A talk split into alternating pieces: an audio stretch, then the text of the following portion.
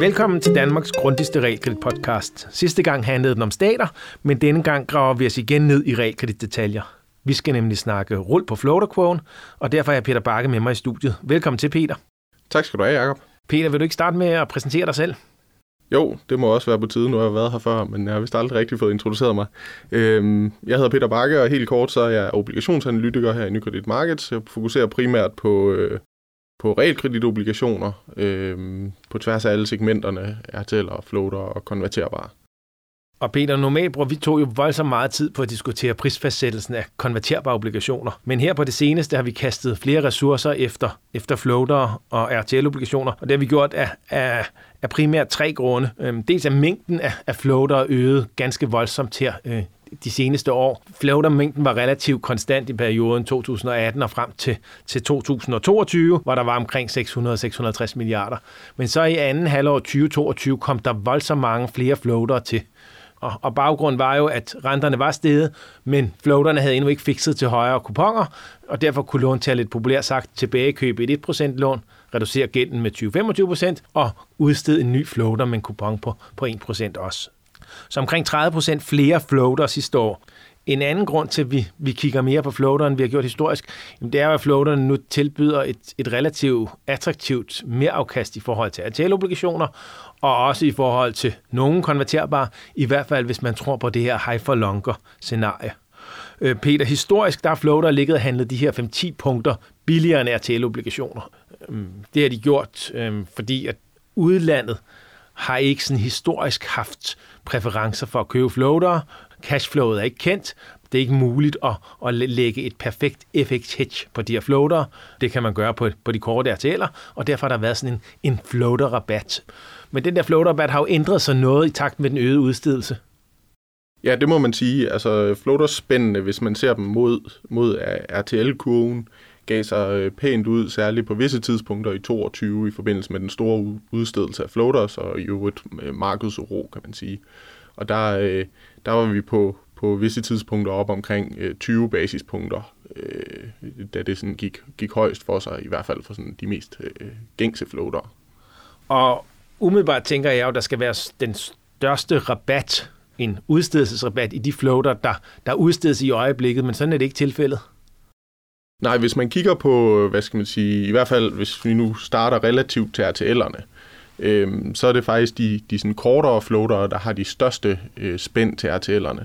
Hvis man ser omkring floater, øh, eller floater med udløb i juli 24, så har de måske et, et øh, spænd til RTL-kurven på omkring øh, cirka 16 basispunkter, og hvis man går ud til juli 25, så, så falder det, eller hvad man skal sige, til, til omkring øh, 11 basispunkter måske, plus minus. Det afhænger jo lidt af præcis hvilken floater man kigger på selvfølgelig. Og så falder det yderligere til omkring 5 basispunkter plus minus for, for juli 26 floater, hvis man skal lave et par nedslag. Så off-the-run floater, kortere floater, er umiddelbart billigere end, end on-the-run floater, dem der kommer til markedet i øjeblikket? Ja, det, det er de. Altså udstødelsen lige, eller de seneste tre måneder, hvis man tager det, har været koncentreret i primært juli, omkring juli 25, floater med den løb, løbetid. Her snakker vi den løbende udstedelse, det vil sige uden auktionsudbuddet. Og så også en klump ude omkring juli 26. BAF og DLR udsteder også lidt længere floater, men den største del af, af udstedelsen har nok ligget der omkring juli 25, juli 26. Og udstedelsen er større omkring juli 25 end juli 26, så det kan jo måske medvirke til at forklare, at, at spændet er lidt større omkring juli 25 og juli 26. Går vi helt ind til juli 24, så er der ikke rigtig noget udstedelse der, men det er der spændende er størst. Det hænger jo så nok sammen med den udstedelse, der har været, og øh, vi har faktisk set, at, at øh, den relative mængde af, af korte floater mod korte RTL'er er steget ret kraftigt de seneste par år, hvor vi er gået fra en situation, hvor der har været markant færre korte floater end korte RTL'er, at nu er, de, nu er de mere på niveau. Øh, og det er selvfølgelig hjulpet på vej af den udstedelse, som, som var i løbet af 22, og som nu er, er, er der er løbet noget løbetid af dem, og som nu er inde i den kortere ende. Så udbudspres har presset spændende ud på de korte floater. Mange investorer vil i dag ligesom være, være fyldt på korte floater, og derfor er der en rabat på dem. Ja, det virker som om, at der, der, øh, folk synes, der er nok af dem.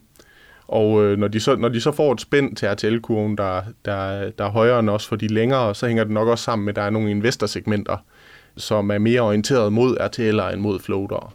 Det kan for eksempel være øh, udland, udenlandske investorer.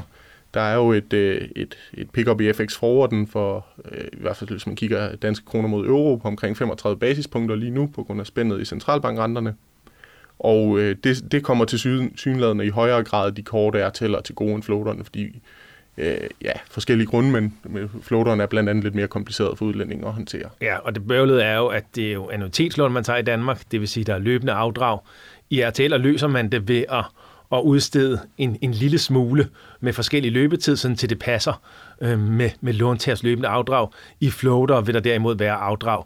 Da man ikke ved præcis, hvornår låntageren er kommet ind i obligationen, jamen, så kan man ikke 100% sige, hvor store afdragene vil være de enkelte terminer, og dermed kan man ikke perfekt hedge de her floater. Nej. Peter, når vi snakker RTL og floater, så snakker vi jo også altid rull. Altså, hvad, en ting er, hvad man får i rente, noget andet er, hvad man kan forvente at få en gevinst af, at tiden går, og, og korte obligationer normalt handler til et lavere spænd end lange obligationer. Du har lige sagt, at det omvendte er tilfældet for floater.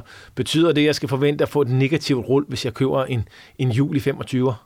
Ja, det er, jo, det, er jo, det er jo det gode spørgsmål. Altså man, nu skal man øh, sige, at det her negative rul er jo relativt til en RTL. Altså hvis du ser floaterne mod Sita eller Kuiper-kurven for sig selv, så vil der stadig være et, et, et positivt rul, der bidrager til afkastet. Men det her med, at, at de korte floater ligger med et større spænd til RTL-kurven end de længere, eller lidt længere, indikerer jo på en eller anden måde, at relativt til en RTL, så får du et dårligere rull i floaterne. I hvert fald hvis den her øh, floater RTL spændstruktur ligesom bliver opretholdt. Og det er jo så spørgsmålet.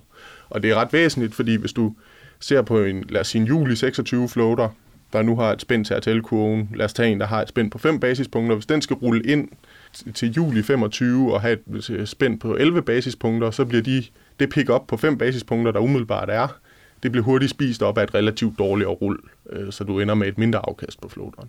Det der så er, at øh, nogle af de grunde, der er til, at de kortere floater har et højere spænd til RTL-kurven end de lidt længere, måske vil spille en mindre rolle om et års tid, eller øh, når, når de her floater ellers skulle være rullet ind.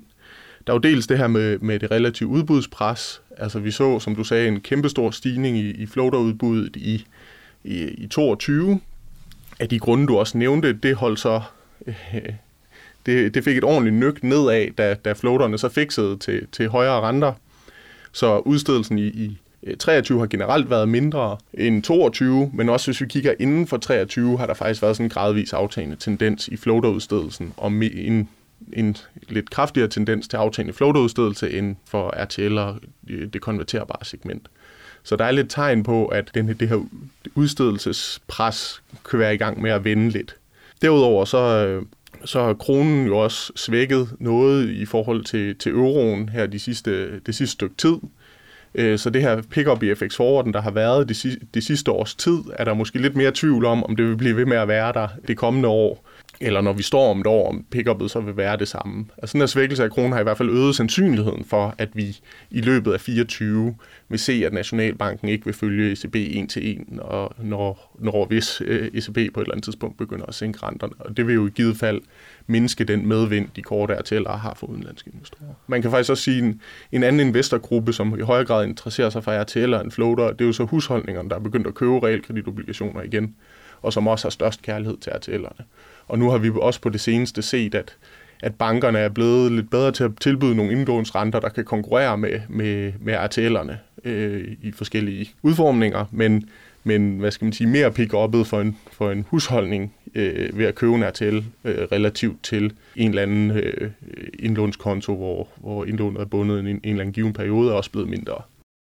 Så, så det du siger er mindre medvind til RTL'er, dels fordi de bliver forventeligt mindre attraktiv for udenlandske investorer, dels fordi husholdningerne langt de fleste nu får en positiv indlånsrente, og, og behovet for alternativer ikke er så stort. Og så mindre modvind til floaterne, fordi den her meget, meget store pukkel af 24 floater vil forsvinde. Investorerne vil få bedre plads til det, og rullet på, på floaterkurven bliver også kan man sige, mere normaliseret, når de, ligesom, de, de billige korte floater forsvinder. Ja, lige præcis. Ja.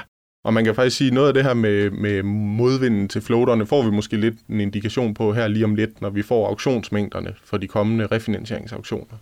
For tidligere har vi jo set, at F5-låntager i høj grad er skiftet væk fra deres F5-lån, og de har skulle refinansieres, fordi de ikke vil binde sig til de nuværende F5-renter i, i, i fem år, og skiftet ind af Øh, kurven enten inden for RTL-segmentet til primært RTL1 øh, eller F1-lån, eller helt ud af RTL-segmentet over i et floaterlån eller måske et prioritetslån.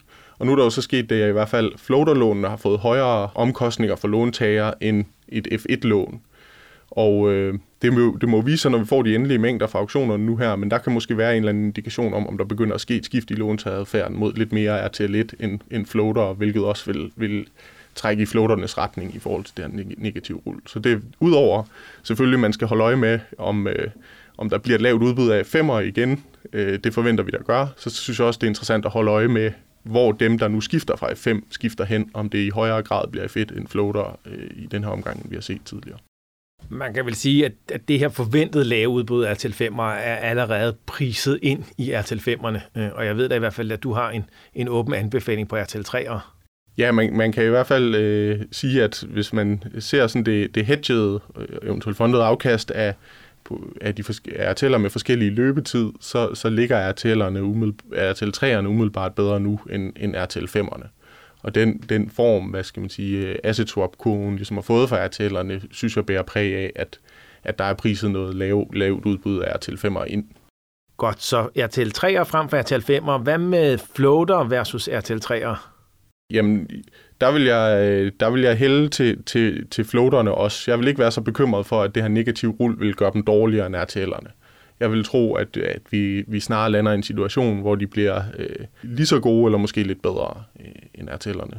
Så for eksempel, sådan, nu, nu kommer der, nu det, de næste to øh, floater-auktioner er ikke så store, øh, men nu kommer der nok en treårig øh, CITA-floater på den, på den kommende auktion for omkring 10 milliarder, at den vil jeg, vil jeg bestemt ikke være bekymret for at købe mod, mod en øh, tilsvarende RTL øh, hedget. Og hvis man skal vælge mellem Cita Floater eller Kuiper Floater, hvor vil du så putte dine penge? Ja, jeg vil nok øh, hælde til Cita Floater. Øh, man skal jo holde tungen lidt lige i munden, når man, når man sammenligner de her, de her forskellige floater. Typisk vil man jo, nu har vi jo indtil videre snakket om floater relativt til, til RTL-kurven. Og det vil man jo så, der vil man jo kigge både Kuiper eller Cita Floater mod RTL-kurven. Og generelt, når man sammenligner forskellige floater, vil man jo nok som udgangspunkt gøre det mod samme kurve, uanset om vi snakker en CITA eller en Kuiper floater. Og hvis man skulle sammenligne forskellige floater også mod en RTL, vil man nok også vælge, vælge samme kurve, lad os sige øh, 3 måneders Kuiper. Det man jo så skal være opmærksom på, det er, at det, det, det spread, man får til en 3 måneders Kuiper, det er jo så på en eller anden måde et pick-up mod 3 måneders Kyber. Men hvis du bare køber en CITA floater, så får du ikke et, et, et, i hvert fald med mindre du gør andet, et pick-up over 3 måneders Kyber. du får et pick-up over CITA 3 eller 6 måneder. Og øh, det kan godt have en betydning. Øh, det man gør, når man sammenligner det mod samme kurve, det er ligesom at fjerne forskelle i basisrisk. Holde det ude af sammenligningen af obligationerne, så man sammenligner dem nogenlunde rent. Men, men hvis, du, hvis du køber en CITA floater over en Kuiper floater, så vil du som udgangspunkt have en forskellig basisrisk. Og lige nu ser der ud til at være lidt, lidt øh, noget rull og pick-up i CITA over Kuiper, og det hænger sammen med, at det, der ligger i forward-kurverne, er en udvidelse af spændet mellem Kuiper og CITA-fixinger enten på 3 eller 6 måneders øh, sigt. Så mellem, kan man sige, sikrede og usikre renter vil der komme større forskel? Ja, det ligger i hvert fald, hvis man, hvis man ser på det, der ligger i forwardkurven som forventning om, hvad der vil ske, så vil der ske en udvidelse der. Øhm, og det spørgsmålet er lidt på, om man ser det som en forventning, eller om man ser det som en eller anden form for term premium. Øh, og hvis man ser det som det sidste, at, den her, at spænden ikke vil blive ud, udvidet i fixingerne, så kan man på en eller anden måde høste den term premium, der ligger i det ved at købe en CITA floater over en Kuiper floater. Og det vil så give de facto, hvis spændene mellem CITA og Kuiper ikke udvides, et højere afkast på CITA floateren end Kuiper floateren øh, med, med den nuværende prisning, hvis de prises med samme OAS til samme kurve, så at sige. Øh, der er selvfølgelig så de her øh, to opspunkter i forhold til det. Det, kunne, det, vil, det er medvirkende til, at, at jeg eller vi måske umiddelbart hælder til en CITA floater. Men man skal selvfølgelig være opmærksom på, at, at de her spænd kan jo godt udvide sig, og hvis spændet mellem Kuiper og CITA fixingerne 3 eller 6 måneder udvider sig, så kan Kuiper floateren godt ende med at være det, være det bedste. Øh, så det er jo ikke uden risiko, det her. Og derudover skal man selvfølgelig også holde sig for øje, at at det, om der er forskel på at købe CITA eller Kuiper floateren, det forudsætter jo også, at man ikke efterfølgende balancerer sin basisrisk og holder den konstant, fordi hvis man gør det, så ender, man, så ender der jo selvfølgelig ikke med at være en forskel. Lige her på falderæbet, Peter, så er, er der jo også den her tilsynsdiamant, øhm, som skal sikre, at realkreditinstitutterne og deres låntagere ikke har for stor refinansieringsrisiko eller renterisiko. Øhm, og senest har DLR-kredit været ude at sige, på grund af, af låntagers præferencer for variabel rente øh, de seneste år her, jamen så har de øh, relativt mange lån, som har en rentebinding på under to år, og med en LTV over 75 procent af den maksimalt tilladte LTV, det vil sige over 60 procent for øh, private boliger, øh, og derfor opfordrer de i hvert fald låntager til at tænke over, om man ikke skulle have et profilskift, eller hvis ved ny lånoptagning skulle have en længere rentebinding. Det taler vel også i, i favør for lavere udstedelse af floater og lavere udstedelse af, af helt korte RTL-obligationer. Ja, det, det gør det jo umiddelbart. Øh, det, vil, det vil også kunne trække i, i den retning i et eller andet omfang. Betydningen af det har vi jo endnu lidt til gode at se, fordi for eksempel DLR's øh, Øh, stigning i andelen af lån, hvor det her med rentebinding på under to år og øh, LTV over 60 procent, den, er, den er, er jo steget noget de seneste år, men det er jo kommet under, primært under udstedelsen i 22, og stigningen er ikke så kraftig længere. Så spørgsmålet er, hvor stor betydning det egentlig vil få, hvis, der, hvis, hvis vi ser et skift i udstedelsen fra DLR.